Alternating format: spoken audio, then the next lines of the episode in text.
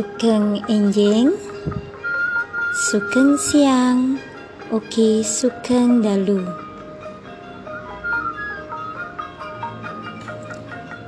Sugeng pepanggian malih. Kalian kula Ibu Dwi Handayani wonten ing saluran Si Bojo. Sinau Basa Jawa Kula badhe ngandharaken teks deskripsi mawi basa Jawi ragam ngoko.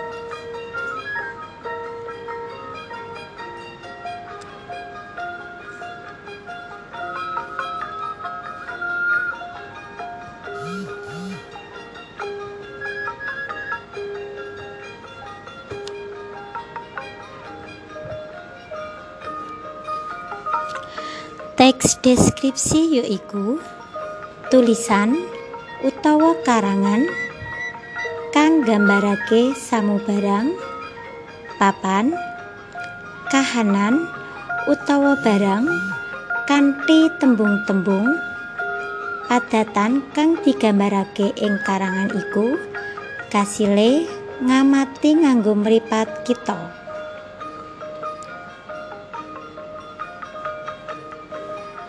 Teks deskripsi nengenake jlentrehan saka wujud titian lan kahanan samubarang kang digambarake kanggo panggonan lan wektu tartamtu.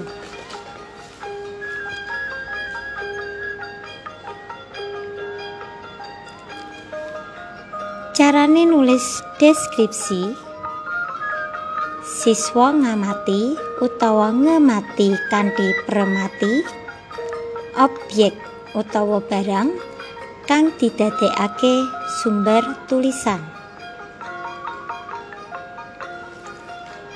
Objek sing digambarake bisa samubarang prastawa pawongan tanduran alam lan sapanunggalane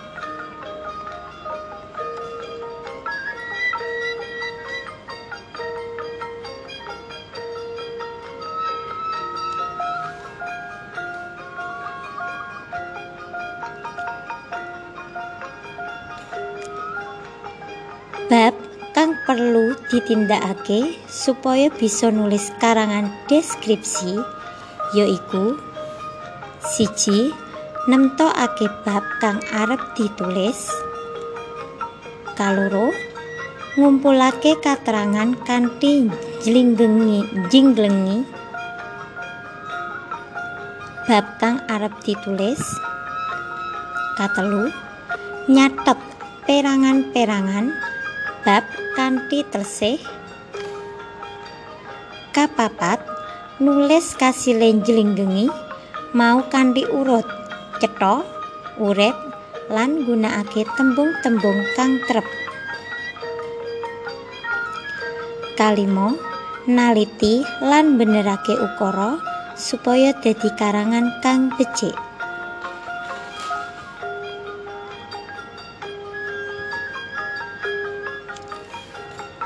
titiane utawa tengerane karangan deskripsi kang becik yaiku siji gambarake samubarang upamane kahanan papan utawa manungsa.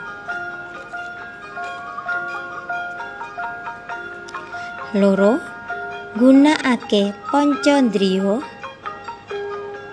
utawa pandeleng pangrasa, pangrungu, panggondo, lan pangecap.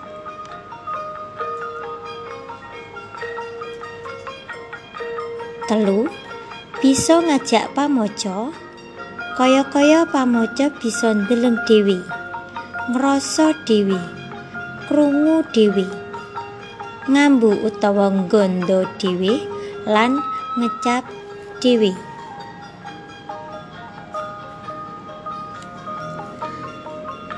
Tulodo paragraf deskripsi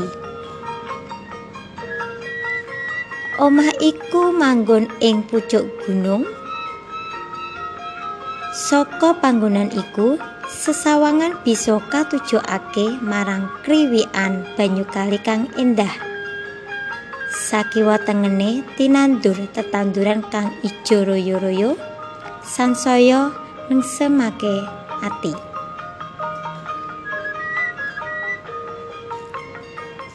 Menika andaran paragraf deskripsi.